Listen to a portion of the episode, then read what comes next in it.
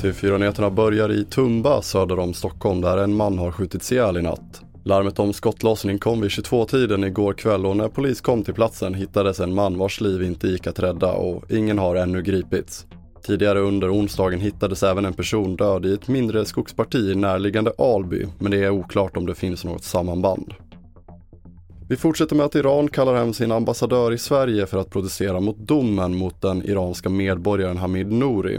Nouri dömdes i Stockholms tingsrätt i torsdags till livstidsfängelse och utvisning för mord och brott mot folkrätten i samband med avrättningarna av politiska fångar i Iran sommaren 1988.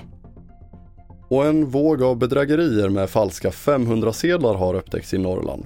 Enligt polisen är sedlarna relativt dåligt gjorda men den minskade kontantanvändningen har gjort att många har svårt att skilja falska sedlar från äkta och vid misstanke är polisens råd att titta efter bland annat sedelns vattenmärke.